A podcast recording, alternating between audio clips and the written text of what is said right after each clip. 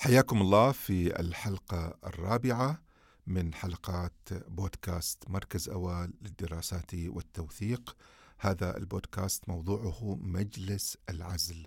نحن في مئوية الإصلاحات السياسية نحاول أن نستعيد وقائع ما جرى قبل مئة عام لكي نفهم تاريخنا. آه، في هذه الحلقة نتحدث عن ردة الفعل عن ردة الفعل القبائل الموالية لعيسى بن علي وكيف تم الإعداد لهذا المجلس مجلس العزل وماذا قيل فيه؟ الأحداث التي سبقت انعقاد هذا المجلس شديدة الأهمية هي بمثابة الخطة الاستراتيجية لما حصل بعد ذلك في البحرين.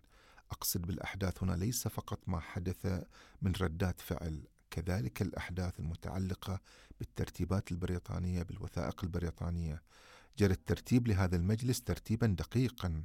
كل هذه التفاصيل واردة في التقارير البريطانية واحتفظت لنا بتفاصيل في غاية الأهمية. تتضمن الترتيبات الدعوات التي أرسلت للتفاهم مع أبناء الشيخ عيسى بن علي مع عبد الله ومع حمد تعلق أيضا بعيسى بن علي وبالقبائل أيضا الموالية له.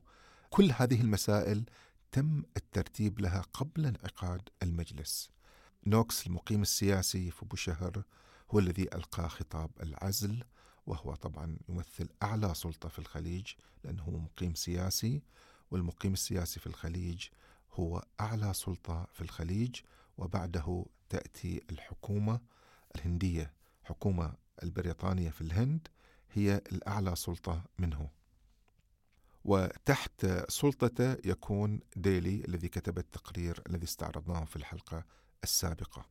جاء نوكس من بوشهر إلى البحرين آه، ليلقي خطاب العزل ويجري كل هذه الترتيبات.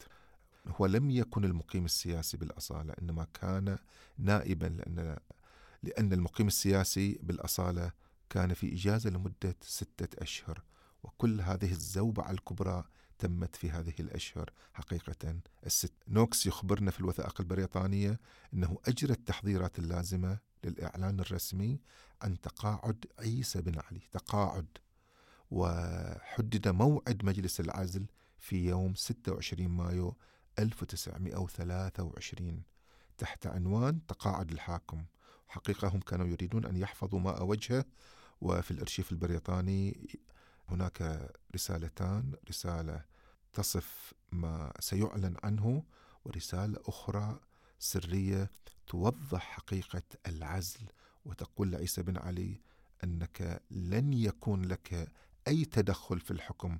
أنت حقيقة معزول ولكن نحن سنقول إلى الناس لكي نحفظ ماء وجهك أنك قد تقاعدت.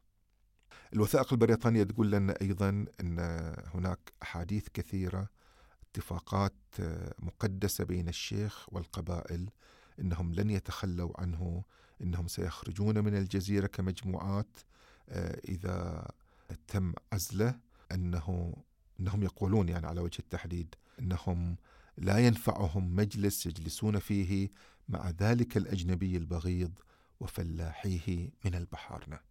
هؤلاء يكون طبعا انفه قبلية وأولئك البحارنه في وجهة نظرهم هم مجرد فلاحين ويخضعون لنظام السخرة فكيف تريدون من هذه القبائل أن تجلس معهم في مجلس واحد كأنداد وشركاء في الحكم وجزء من تكوين الوطن؟ لم يستطيعوا حقيقة هم تقبل ذلك. وكانت صفة الفلاحين وأصحاب الأكواخ من الصفات التي تستعاد أيضا حديثا آه، عند بعض الكتاب كنوع من تقليل شأن آه، البحارنة في ذلك الوقت وتقليل شأن دورهم السياسي الذي لعبوه في إحداث التغييرات. كانت ردة فعل المقيم السياسي إنكم إن فعلتم ذلك فالباب مفتوح لكم. بومبي وسيلان متاحتان بلا شك. إذا أردتم الخروج فاخرجوا ولكن كان يسأل أيضا هل ستقترح القبائل اللحاق بعيسى بن علي إلى هناك؟ هذا كان نوع من التحدي لهم فالوضع على هذا الشكل إذا رفض عيسى بن علي هذا المسار سنرسله إلى بومبي أو إلى سيلان. وإذا كنتم تستطيعون أن تتقبلوا ذلك وتتركون أراضيكم وممتلكاتكم وتلحقوا به فافعلوا ذلك. هذا حقيقة كان حديث من موقع قوة المقيم السياسي وقوة سلطته وجديته وجديته كذلك في إحداث التغيير. قبائل طبعا تراجعت عن كل ما قيل فقد خضع كل من عيسى بن علي والقبائل إلى البريطانيين. بعد أن دقل البريطانيون آه، منايرهم في البحر آه، كان البريطانيون كان البريطانيون قد دقوا منايرهم في البحر. تمركزت السفن الحربية البريطانية على مقربة من فرضة المنامة. وهذا تعبير آه، المناير يعني تعبير شعبي أيضا في الذاكرة البحرينية. له سياق آخر لشرحه. تمت الدعوة إلى مجلس العزل وحدد مبنى الوكالة السياسية في مدينة المنامة مكانا لهذا المجلس. مبنى الوكالة السياسية. هذا المبنى الذي التجأ إليه أحمد بن خميس حين أراد عيسى بن علي أن يأخذ اللؤلؤة التي اشتراها من القطيف. آه، لجأ إلى هناك. هذا مبنى الوكالة السياسية مبنى مهم جدا في ذاكرة الإصلاحات. يعتبر هذا المبنى مركز ثقل البريطانيين مركز سلطتهم وجرى إعلان العزل أو التقاعد آه، من هناك. وهذا طبعا تعبير عن سلطة البريطانيين فهم لم يذهبوا إلى قصر الحاكم أو إلى بيته إنما اختاروا مبنى الوكالة السياسية وهذا الأمر يشير إلى وجود إرادة بريطانية وعهد بريطاني جديد فالسلطة البريطانية هي التي تقرر وهي التي تفرض. نوكس كذلك شرح لنا هذا المجلس. كيف يتم ترتيب هذا المجلس؟ أو كيف تم ترتيب هذا المجلس؟ جلس الشيخ حمد على يمينه يمين نوكس وقائد السفينة الحربية على يمين الشيخ حمد وعلى يسار المقيم السياسي جلس المعتمد السياسي وهو الوكيل السياسي في البحرين واللي هو ديلي. وعلى يساره الشيخ عبد الله بن عيسى وأجلس جمع من الإنجليز أيضا المقيمين والزائرين في البحرين خلف المقيم على الكراسي. ممثلو الجماعات المختلفة في البحرين. كذلك أجلسوا على السجاد كانت هذه الجماعات المختلفة من الشيعة والقبائل السنية والعجم والأجانب. وعدد الحضور يقول المقيم السياسي ما بين 200 و 300 شخص تفصيل دقيق جدا لكل ما جرى في هذا المجلس. هذا هو مسرح المجلس آه الذي بدأ بخطاب الشيخ حمد. ومن المهم أن نطلع على نص الكلمة التي قالها الشيخ حمد وكذلك نص كلمة المقيم السياسي. ماذا قال الشيخ حمد أولا؟ دعونا نتعرف ماذا قال.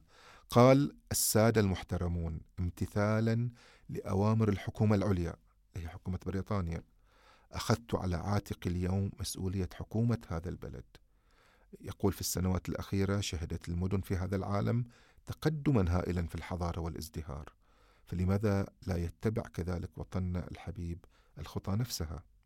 إن واجبي الأساس هو أن أحاول بكل سرور تعزيز ازدهار وطني العزيز وانتشار التعليم والمرافق الصحية العامة.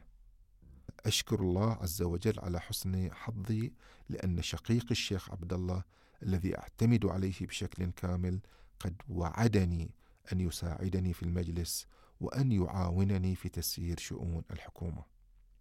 ويكمل أيضا وأقول بثقة أنه في حال وجدت أشخاصا يتآمرون على البلاد أو ينخرطون في أي أعمال تخريبية أو اضطرابات سأتخذ الإجراءات اللازمة بهدف معاقبتهم. طبعا المقصود فيها هنا القبائل آه، المعادية للإصلاحات من النجديين ومن كذلك الدواسر. السادة المحترمون أبلغكم أنه في المستقبل لن أسمح بواسطة أي كان لصالح المتهم بقية ألا يعاقب الأخير على النحو الذي يستحقه. يعني القانون سيسود. فلا جدوى من أن يتعب أي كان نفسه في مثل هذه الأمور. أنه الحفاظ على دخل حكومتي وحقوقها. وهذه هي مهمتي الأولى. يعني تنظيم ميزانية الدولة. وفصل جيب الحاكم عن جيب الدولة. سأحتفظ برصيد الدخل والضرائب الذي سيخصص من أجل تحسين تجارة بلدي. وتعزيزها هذا هو خطاب حمد باختصار شديد. لا شك أنه طبعا صيغ بالتنسيق مع البريطانيين وهذا خطاب يعلن شكل الدولة الحديثة آه، وهو خلاف الشكل السابق الذي كان الذي كان يحكم فيه والده حين كان كل فرد من آل خليفة يحكم جزء من البحرين كإقطاعية. لم يكن هناك موازنات إلى الدولة والضرائب كانت تؤخذ فقط على البحارنة. كان المجرمون من العائلة الحاكمة والقبائل الموالية لا يحاكمون ولا يعاقبون. هذا العهد قد انتهى وهذا هو مضمون الكلمة التي قالها حمد أن هناك خطاب إصلاح. أوضح أنه سيكون هناك دولة موازنة مساواة قانون لا يسمح بتدخل أي أحد. هذا هو الخطاب الذي سيكون بديلا لخطاب والده وممارساته. هذا المضمون سيأتي مفصلا وبصورة أقوى في خطاب المقيم السياسي. ماذا قال نوكس في خطابه؟ وكيف خاطب آل خليفة؟ وكيف خاطب السنة؟ وكيف خاطب البحارنة؟ الشيعة والأجانب في البحرين. هذا ما سنعرفه في الحلقات القادمة. شكرا لكم.